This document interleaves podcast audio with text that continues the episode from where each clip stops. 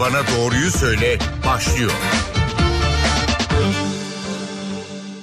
NTV Radyo stüdyolarına hoş geldiniz. Ben Öykü Özdoğan. Doktor Bana Doğruyu Söyle programında bugün kolesterol üzerine sohbet edeceğiz. Stüdyo konuğumuz Acıbadem Atakent Hastanesi doçent doktor Mustafa Ahmet, Karabulut. Çok Ahmet özür Karabulut. diliyorum. Önümde tamamen evet. yanlış bir kağıt var. İsimleri karıştırdım. Hoş geldiniz Ahmet Bey stüdyomuza. Hoş bulduk. Ee, dinleyicilerimizin de sorularını alacağız. 0212 335 47 20 telefon numaramız. 335 47 20 nolu telefondan bize ulaşıp sorularınızı canlı yayın boyunca stüdyo konuğumuz doçent doktor Ahmet Karabulut'a iletebilirsiniz.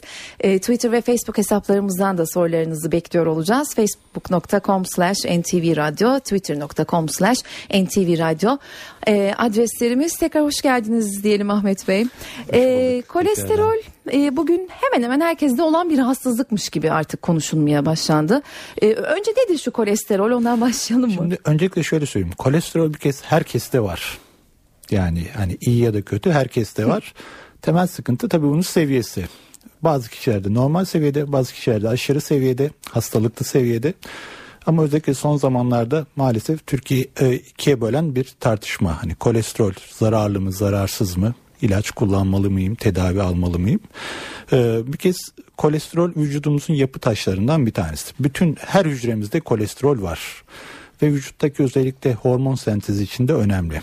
Ama kimilerinde e, belli bir seviyenin üzerinde seyrediyor. Ve belli bir seviyenin üzerinde seyreden kimselerde kalp damar hastalığı riski artıyor ve net olarak da bu gösterilmiş. Nereden bakarsanız son 20 yılda yaklaşık binin üzerinde çalışma yapılmış. Yüksek kolesterolün kalp damar sağlığına zararlı olduğu net olarak gösterilmiş. Ee, peki kolesterol vücutta olduğuna göre mevcut olduğuna göre bir zararı olmasa gerek diye düşünüyor insan vücudun kendi ürettiği bir şeyse ne oluyor da biz bunu ıı, bozuyoruz zararlı hale getiriyoruz? Ya açıkçası şu var tabi kolesterol genel bir terim kolesterolün bir de e, alt sınıflamaları var. Mesela çok duymuşsunuzdur. İyi kolesterol, e, koruyucu kolesterol, kötü kolesterol ya da yağ oranları. Bunlar belli bir seviyenin üzerine çıktıklarında özellikle vücut içerisinde damarlarda birikmeye başlıyorlar. Hı hı. Ve uzun vadede ne yapıyorlar? Bu damarlarda birikmeyle beraber damarlarda darlık ve damar yapısını bozuyorlar. Yani aslında bu kolesterol yüksekliği bir anda hastalık yapmıyor. Hı hı uzun vadede hastalık yapıyor. O açıdan biz hani kolesterol tedavisine başlarken asıl hedefimiz kısa vadeli kazançlardan çok uzun vadeli kazanç olmalı. O açıdan da hani kolesterol tedavisi hani özellikle hani yaşların hastalığı değil tedavi eğer koruma amaçlı başlayacaksak gençlerde de başlamamız hı hı, gerekiyor. Tam da onu, onu soracaktım aslında. Evet. Bu sanki yaşlılık e, hastalığı, yaşlılık demesek hı. bile orta yaşta görülen Tabii. bir rahatsızlıkmış gibi. E, ama artık e, ben de dahil olmak üzere etrafındaki pek çok e, kişide daha bile gençlerde var bu. Şimdi bu biraz şundan kaynaklanıyor. Genelde kolesterol ne zaman ortaya çıkıyor? Hani kişi farklı bir rahatsızlığı oluyor. E, hastaneye gidiyor. Mesela yüksek tansiyondur, işte kalp hastalığıdır ya da farklı bir enfeksiyon geçiriyor. Abi kolesterolüne bakalım diyorlar. Kolesterol yüksek çıkıyor o anda fark ediliyor. Yani kolesterol yoksa kendi evet. kendine aman da benim kolesterolüm kolesterolüm var diyerek yok, de başvuran yok, olmuyordur Başvuran herhalde. olmuyor. O şekilde başvuranlarda şöyle oluyor. Ailesinde mesela kolesterol yüksekliği olan, ailesel hastalığı olanlar geliyor ya da ailesinde erken yaşta kalp hastalığı olanlar geliyor. Ben bir baktırayım öyle bilinçli insanlar da var ama kolesterol yüksekliğinin genelde e, tanısı çoğunlukla tesadüfi bir kan testiyle konuluyor. Hı hı. Peki kan testi yapılmadan bizi hani kolesterol yüksekliğini vücutta gösterecek bazı şeyler var mıdır? Vardır. Özellikle cilt bulgularımız var. Mesela görmüşsünüzdür özellikle göz çevresinde böyle ufak kolesterol sarımsı e, plaklar şeklinde kolesterol birikimleri olabiliyor. Göz çevresinde e, tıbbi isim böyle santelesma diyor, yağ diyoruz. Tabakası ya yağ tabakası gibi küçük evet. küçük, küçük böyle birikimler şeklinde oluyor. Özellikle hmm. göz çevresinde olabiliyor bu. Göz çevresi dışında kollarda olabiliyor, ayaklarda olabiliyor. Hmm. Bu birikmeler bize kolesterol yüksekliğini düşündürüyor aslında. Peki e, bilinçli olan kişilerde öncelikle genetik mi? Demin onu soracaktım unutmadan sorayım. Genetik midir?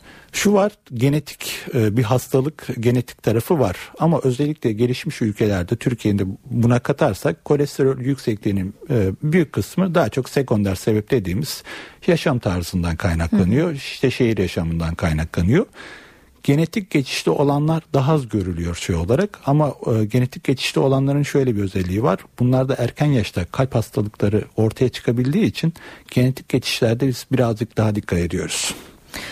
Çünkü hani böyle tanıdığım kişiler de var doğrusu. Annesinde var 20-25 yaşlarında e, ve birden aynen dediğiniz şekilde tesadüfen aa senin kolesterolün yüksekmiş ki varmış diyoruz biz buna halk arasında aslında. Evet. Kolesterol zaten var olan bir şey ama. Ya aslında şu var mesela kolesterolün damar duvarlarına olan zararları aslında 20'li yaşlarda başlıyor. Hmm. Mesela 20'li yaşlarda yavaş yavaş birikmeler ola başlıyor ve 30'lu yaşlardan sonra daha net ortaya çıkıyor. Bu kolesterol birikimi ne yapıyor? Damar sertliği deniliyor. Damarın elastik yapısını bozuyor. Damarın hareketlerini bozuyor ve belli bir e, birikimden sonra da damar darlığı yapıyor. Ve bu kalpte olduğunda ne yapıyor? Kalp krizi yapıyor. Mesela felce sebep olabiliyor. Başka da yani sadece bu şeyde olmuyor. Kalp damarlarında olmuyor. Beyin bacak, damarında beyin damarında galiba, olabiliyor. Bacak damarlarında olabiliyor. Hmm. Yani vücuttaki bütün damar sistemini bütün tutuyor aslında. Etkili olabiliyor. Evet. Ee, peki Ahmet Bey ilk kolesterol biliyoruz. Bir de kötü kolesterol biliyoruz. İyisi nedir? Kötüsü nedir? Bunun iyisi kötüsü nasıl oluyor? Şimdi iyisi kötüsü e, bu e, aslında laboratuvar bilgileri ama çoğu kimse bir kan sonuçlarına eline baktığında orada bir total kolesterol yazar, bir LDL yazar, bir HDL yazar. Bu LDL kötü kolesteroldür. Ana hedefimiz budur. Yani biz kolesterol tedavisini düzenlerken ilk baktığımız şey LDL'dir.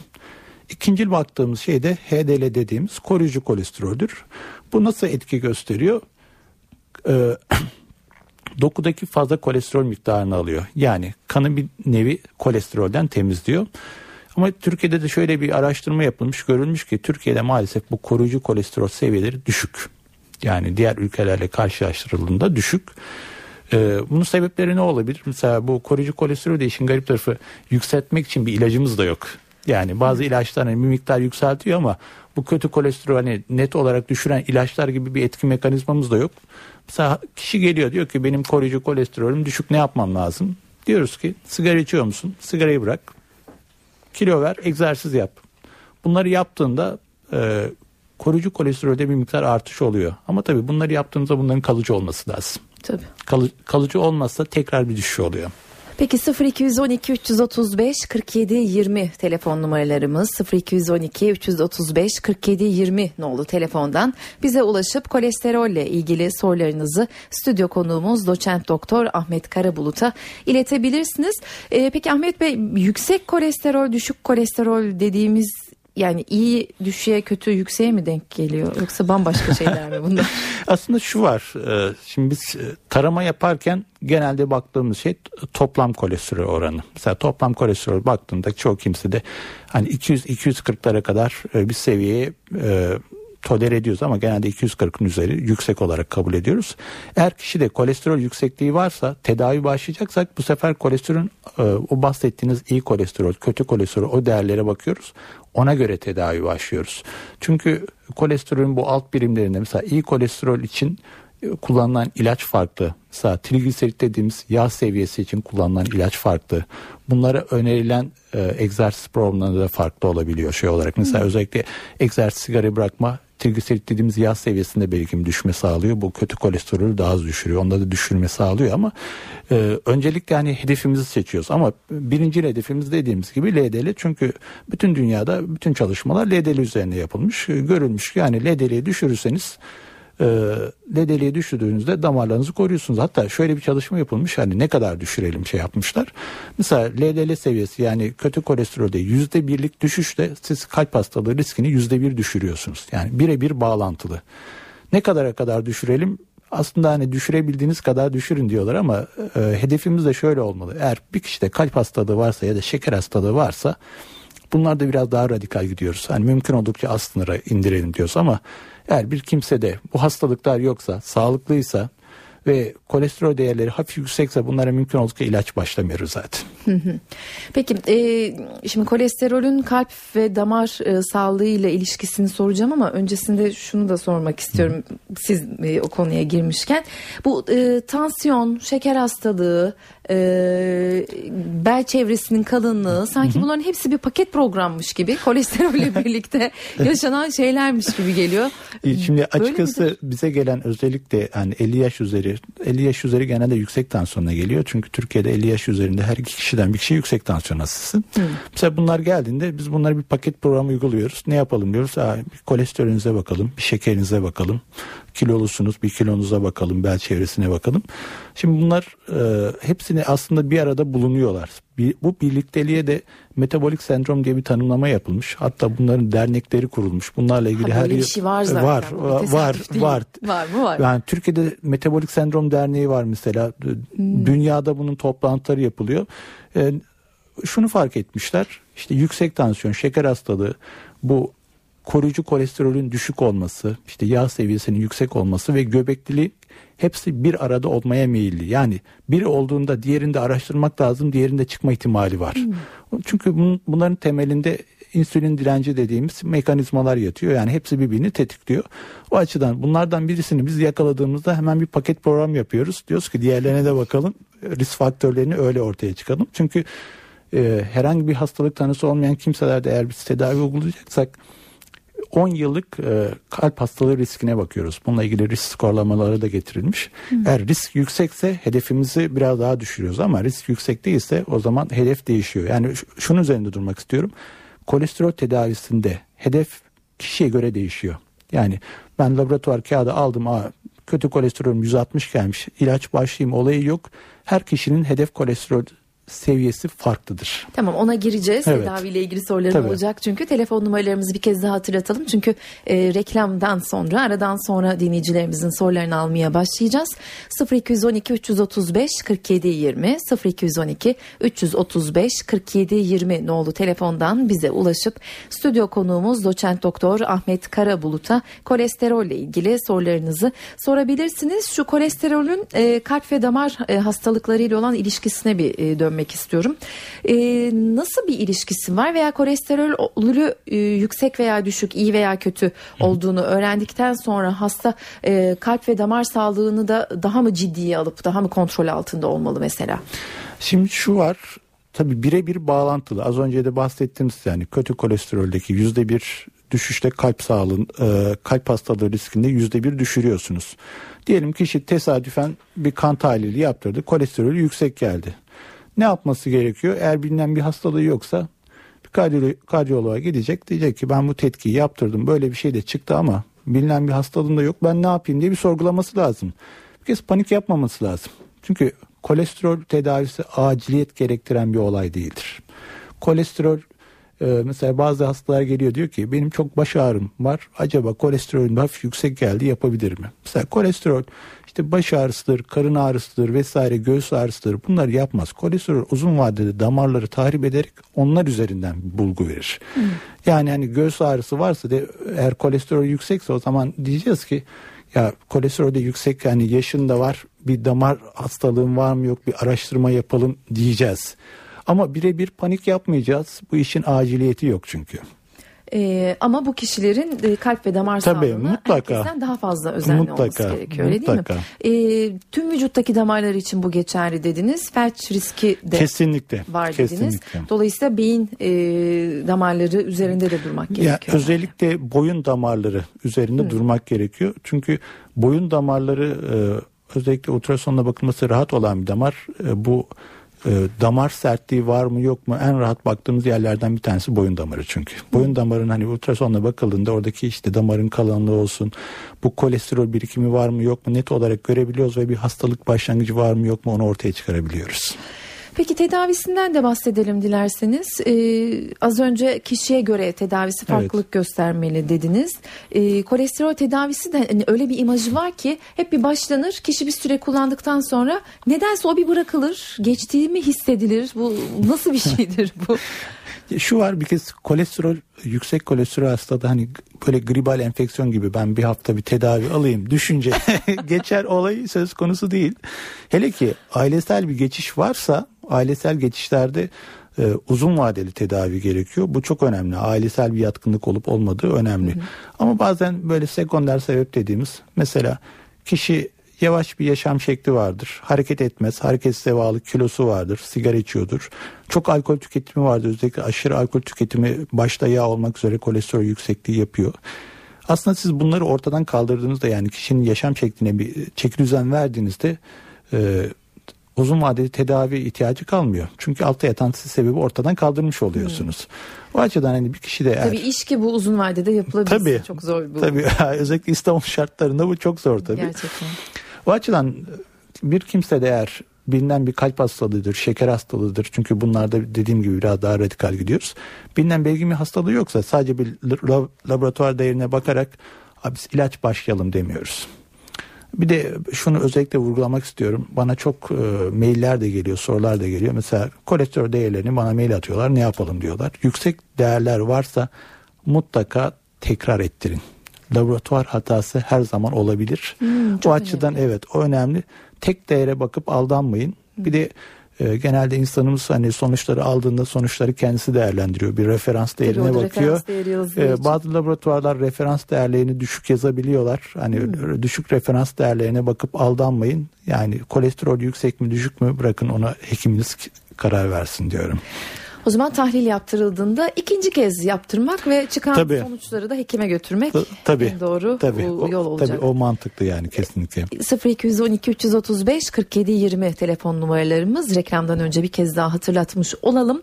E, kişiye göre tedavisi farklılık göstermeli derken kişinin başka rahatsızlıkları varsa yaşam e, şekli, yaşam biçimi neyse e, ne ki kolesterolün tedavisi ilaç mıdır sadece?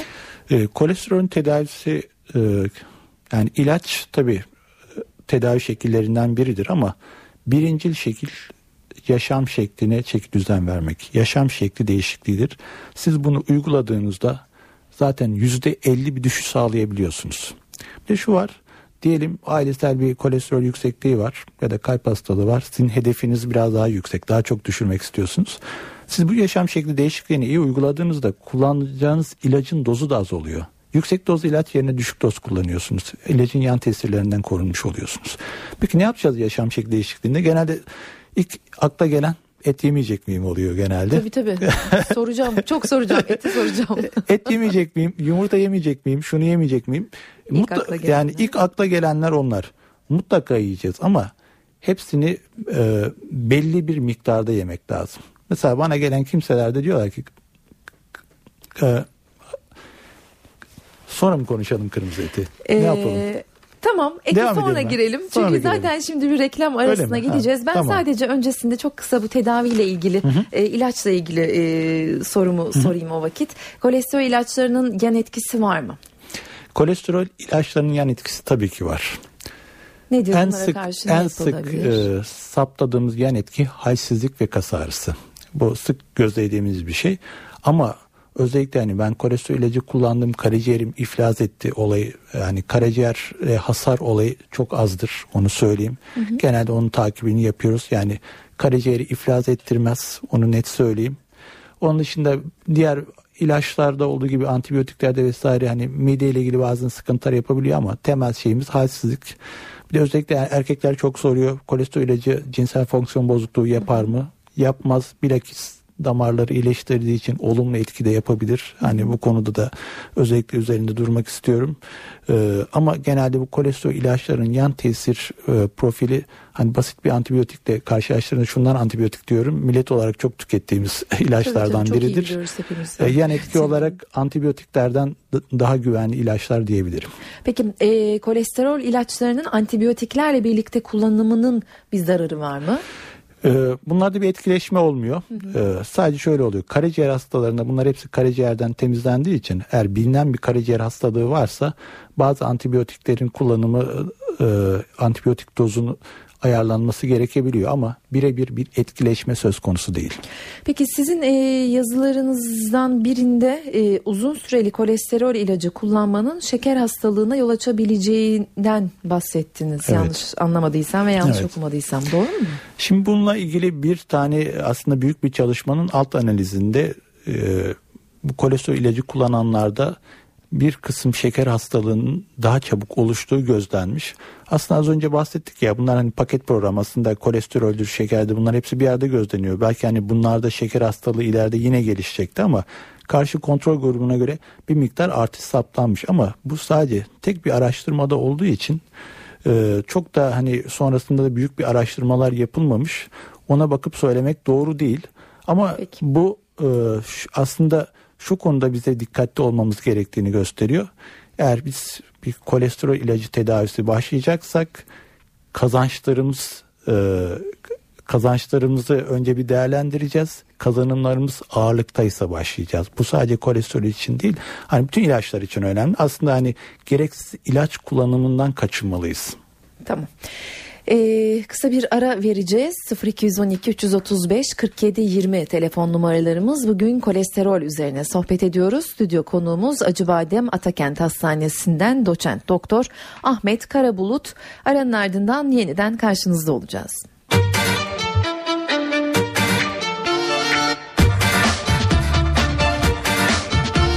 Doktor bana doğruyu söyle devam ediyor. Doktor Bana Doğruyu Söyle programının bu haftaki konuğu doçent doktor Ahmet Karabulut. Ahmet Bey ile kolesterol üzerine sohbet ediyoruz. Beslenmeden, kırmızı etten hele ki bahsetmeden olmaz Olmuyor. değil mi hocam? ee, peki bu kırmızı et hayvansal yağ tüketimine e, dikkat etmek gerekiyor diye e, neredeyse çocukluğumuzdan beri duyuyoruz kolesterolde. Neden öyle? Niye dikkat etmek gerekiyor? Hiç mi yenmeyecek? Kesinlikle yani biz kırmızı eti yasaklamıyoruz. Öncelikle onu söyleyeyim. Çünkü e, hayvansal gıda günlük e, vücudumuz için almamız gereken miktar var. Çünkü bunlar vücudumuzda bazı yapı taşları için gerekli. Hı hı. O açıdan tüketmemiz gerekiyor ama abartmamamız gerekiyor. Peki ne kadar tüketeceğiz? O önemli bizim için. Ee, gösterilmiş ki günlük 250 gramın üzerinde alınan kırmızı etin kolesterol değerlerini bayağı bir arttırdığı gösterilmiş. Günlük? 250 gram. 250 gram. 250 gram. Ee, günlük önerilen miktar da hani bu bilimsel çalışmalarda 80 gram. Yaklaşık hani 3-4 köfte miktarı kadar hani etin mutlaka alınması gerektiği söyleniyor. Yani bu şey porsiyon olarak olabilir hani sebze yemeklerinin içerisinde olabilir. Biz eti tüketmemiz lazım. Ama hangi eti tüketeceğiz? Bir kez eti tüketirken yağları bariz görünen hani yağlarını çıkaracağız. O önemli. İkincil olarak sakatat kolesterolü belirgin olarak arttırıyor. Çok önermiyoruz. Üçüncü olarak işlenmiş et. Hı. Nedir bunlar? İşte salamdır, sucuktur, hani pastırma vesairedir. Sosis. Tabii bunları önermiyoruz. Onun dışında ben kırmızı et öneriyorum. Ee, ama dediğim gibi günlük bir 100 gramı geçmemek kaydıyla. Peki bir dinleyicimiz var hatta. Onun da sorusunu alalım. Merhaba yayındasınız. Sizi dinliyoruz. Evet. Hı hı. Buyurun. Ha, ben şöyle e, ben Hashimoto hastasıyım. E, bir de e, ben de ayrıyeten genetik olarak hiperlipidemi e, hepsi genetik deniliyor bana. Kolesterol ilacımı e, işte bir gün arayla iki gün arayla almamı söyledi doktorum. Ben e, buna rağmen dinlemedim. Bu hiperlipidemiden çok korkuyorum. Çünkü e, damar yağlarının sertleşmesi durumu. E, ben her gün aldım e, ve yine de yükseldi. İlacım arttırıldı. E, bunu sormak istiyordum. Hiperlipidemi olan ailede genetik, Hashimoto, obezite hepsi var bende. E, ne yapmam gerekiyor? Ben yumurta yiyorum mesela her gün. Hani et az yiyorum.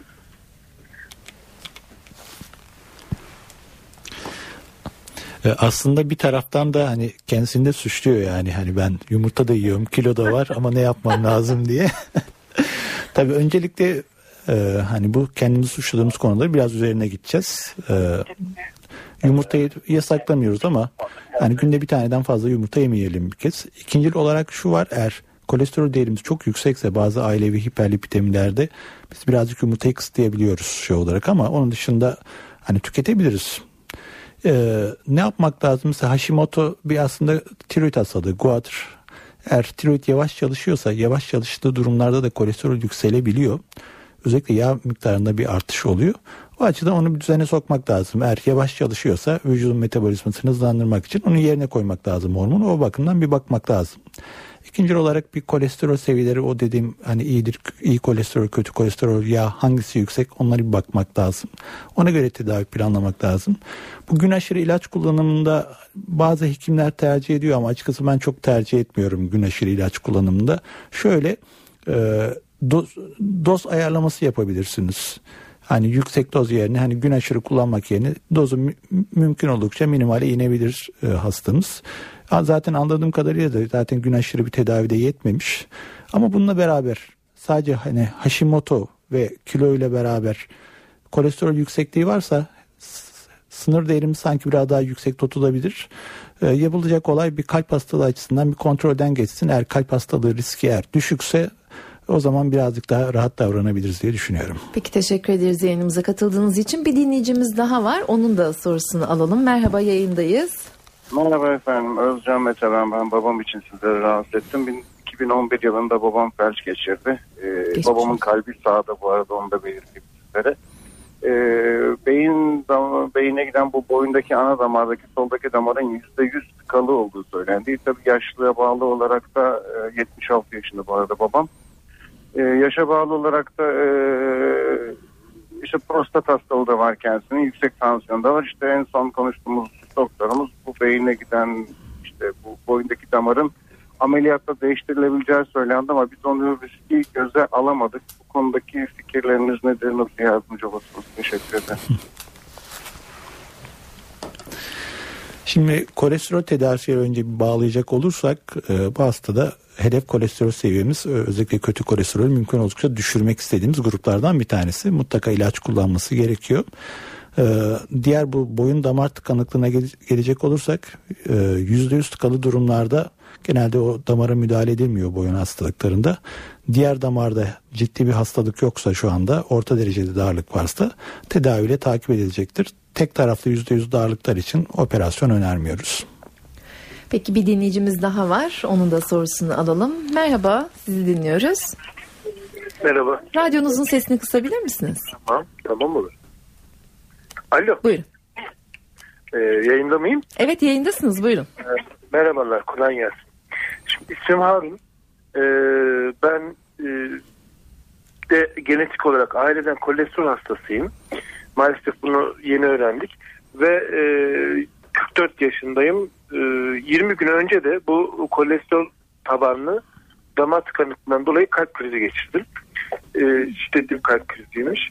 İşte stent taktılar bana 3 tane. E, %98 tıkalıymış ağır. Tıkanıklık varmış. Her neyse stent takıldı ve açıldı. Kolesterolüm yüksek olduğu söylendi. Ve şey e, kolesterol ilacı alıyorum. Bunun dışında de e, birkaç tane daha ilaç var dil altı falan filan diye de. Benim şimdi merak ettiğim şey şu birkaç tane şimdi hocam sürekli boyun falan dedi. Biz kalp krizi geçirdiğimiz için kalbe yoğunlaştık ama benim boynumun sol tarafında uzunlamasına böyle yan tarafında şiddetli bir ağrı var. Böyle kütletsen geçecek gibi. Acaba aynı zamanda boyun damarlarında da bir tıkanıklık olabilir mi? Böyle bir endişeye kapıldım. E, ikincisi bu damar açmak için ilaç kullanıyorum her gün. İşte sürekli ömür boyu bu ilacı kullanacaksın dediler. Bu ilacın dışında doğal yollardan ne kullanabiliriz, ne açabiliriz? Bazı insanlar var limon suyu ve sarımsaktan bir kür yapıp içebilirsin diyor. Bu, bu tür şeyler doğru mudur? Faydası var mıdır? Neler yapabiliriz ilave olarak? Evet, öncelikle geçmiş olsun diyorum. Yani erken yaşta gelişmiş bir kalp hastalığı. Bu hastamız da e, risk grubunda olduğu için hani kolesterolü mümkün oldukça düşürmek istediğimiz gruba giriyor. Ee, bir kez kolesterol ilacı kullanması lazım ve kolesterol yüksekliği bu takılan stentlerin tekrar tıkanmasıyla bağlantılı. Yani kolesterol yüksek seyrederse stent tıkanmaları daha fazla oluyor. O açıdan ilacını ihmal etmeyecek bir. İkincisi boyun ağrılarının boyun damar tıkanıklığı ile çok genelde bir bağlantısı yoktur. Boyun damar tıkanıklığı daha çok beyinle ilgili bulgular verir. Bu bahsedilen boyun ağrıları daha çok muhtemelen kas kaynaklı ağrılardır. Onun dışında hani ilaçla ilgili ne yapabilirim diyor. Ee, bizim böyle kalp hastalığına önerdiğimiz temel şeyler var. Nedir bunlar? Hani beslenmeden tutun egzersize kadar ideal kiloya varılması. Sigaradan özellikle uzak durması çok önemli. Ee, küçük bir örnek verecek olursam hani ekstra olarak ne yapabiliriz şey olarak mesela günlük taze ceviz bir avuç kadar taze ceviz tüketimi damar sağlığını koruyacaktır. Beslenme ile ilgili mesela günlük bir 5 porsiyon taze sebze meyve tüketimi damar sağlığını koruyacaktır ve kolesterol e, dengesini birazcık düzeltecektir. Peki teşekkür ediyoruz e, ve geçmiş olsun diyelim. E, sporun tabii kolesterol üzerinde çok ciddi bir etkisi var değil mi? Hareketsizliğin en azından. Kesinlikle spor çok etkili. Ee, şöyle söyleyeyim çok şu anda hani sporu her gün düzenli yapıp da kolesterol ilacına ihtiyaç duymadığım hastalarım var şu anda. Ee, Nasıl kolesterol e, rahatsızlığı var ama spor yaptığı için ilaç tedavisine gerek duyulmuyor mu? E, ilaç e, çok e, iyi spor yaptığı için şu anda değerlerimiz çok düşmüş durumda ve ilaç ihtiyacı kalmadı mesela. Ve sadece sporla mı başardı? Tabii bunu? sadece sporla başardı ama bunu her gün iyi bir şekilde yapıyordu. Mesela bisiklet sporuyla uğraşan bir hastamdı. Sporun katkısı nedir? Öncelikle onu söyleyeyim. Düzenli spor yapmak lazım. Yani haftada bir iki gün değil de minimal haftada 4 gün tercihen her gün ve minimal bir yarım saat olmalı. Hızlı tempo yürüyüş olur, bisiklet olur, yüzme olur. Yeter ki bunu yapalım. İlk etki yaptığı şey tabii kolesterol düşürüyor ama özellikle yağ miktarında belirgin bir düşme sağlıyor. Hı hı. Yağla beraber kötü kolesterolü düşürüyor. İyi kolesterolü de yükseltiyor. Yani her konuda faydalı. Kolesterol düşürücü etkinin yanı sıra e, spor ne yapıyor? E, çarpıntı şikayetlerini azaltıyor. Mesela ritmi düzenliyor. Kan basıncını düzeltiyor. Yani vücudu zinde tutuyor. Aslında spor sadece kolesterol açısından değil bütün vücuda yararlı etkileri olan bir aktivite. Düzenli yaparsak e, özellikle yani kalp hastalarında da kullanılacak ilaç miktarı ve dozu da düşebiliyor. Peki 0212 335 47 20 telefon numaralarımız ve bir dinleyicimiz daha var telefon hattımızda. Merhaba yayındasınız. Alo. Buyurun lütfen. Ha, saygılar Öykü Hanım. Ee, Merhaba. Doktor Bey'e de saygı duyarım. Ben e, Ankara'dan arıyorum. 77 yaşındayım. Ee, Radyonuzun benim sesini sorum, kısabilir sorum, misiniz? Ha, pardon. S- sorum şu olacak. E, otobüslere yetişirken biraz ben çalışıyorum. Ben modacıyım. E, defile hazırlıyorum da. E, hafif yürürken böyle e, göğsümde yanma hissediyorum kolesterol LG midir neyse o 150 falan 140 falan öyle çıkıyor. Ee, o zaman ben şey yapıyorum hemen böyle bir öksürüyorum veya ıkınıyorum o e, göğsümdeki yanma geçiyor. Otobüse binince de rahatlıyorum. Yani benim sorum acaba bende kolesterol var mı? Ee, kalbim falan iyi. Alkol almadım hiç ömrümde efendim. E, zeytinyağı yerim. Hiç başka bir şey yemiyoruz. Ablamla yaşıyorum. Sorun bu. Peki. Şimdi bahsettiği değer hani kötü kolesterol 150 civarındaysa genelde hiçbir hastalığı olmayanlarda biz tedavi vermiyoruz ama e, burada aslında hani dinleyicimiz de farkında kalple ilgili bir şeyler olabileceğini gösteriyor. Çünkü özellikle kış aylarında gizli kalmış kalp hastalıkları ortaya çıkabiliyor. Soğuk göğüs ağrısını tetikleyebiliyor. Bir de hani otobüse yetişmek için biraz da efor sarf ettiği için hmm. hani soğuktur, efordur, oluşan göğüs ağrısı otobüste dinlenmekte de geçiyor. Bence mutlaka bir kardiyolojiye gidip kalbini bir kontrol ettirmesi gerekiyor ama şu anda e, kolesterolü orta derecede çıkmış. Eğer damar hastalığı varsa tedavi gerektirir ama yoksa şu anlık takip yeterlidir. Peki son bir dinleyicimiz daha var. Onun da sorusunu alalım süremizi aşmamaya çalışarak. Merhaba yayındasınız. Sorunuzu evet. dinliyoruz hızlıca. İsmim, ismim Sabri Fidan. Hı hı. Ee, işte, e, bütün ailede profesyonel yüksek. E, benim e, 4 tane çocuğum var. En büyüğü e, 10 yaşında. E, bir de e, beş buçuk yaşında olan da kolesterolü yüksek. E, benimki de yüksek, babamınki de yüksek. E, şimdi tedavi görüyoruz ama e, benim ilk olanın 250'nin üzerinde kolesterolü yüksek ilaç da kullanıyoruz. Ator diye bir ilaç kullanıyoruz. E, alo. Dinliyoruz, sorunuzu alalım. Şimdi ilacı kullanıyoruz. Acaba bir sakınca var mı? Bir de e, doktorlar özellikle bizden şey istiyor. E, e, diyet yapmamızı istiyor ama bir türlü de çocuğu şey yapamıyoruz. E, diyete biraz kilosu var. Acaba hocam bize ne öneriyor acaba?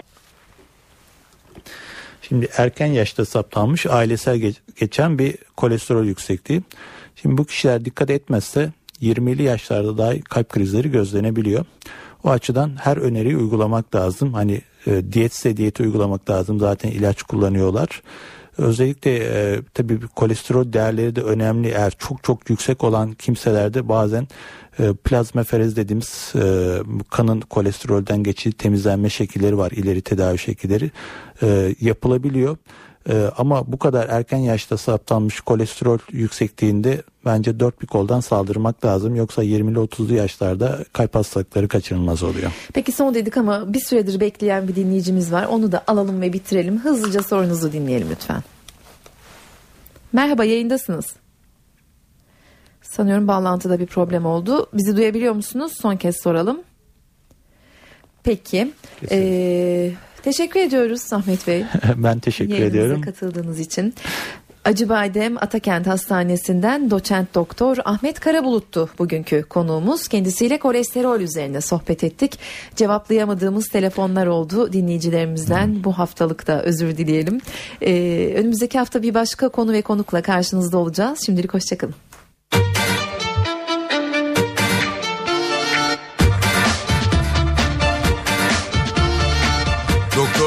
Doğruyu söyle.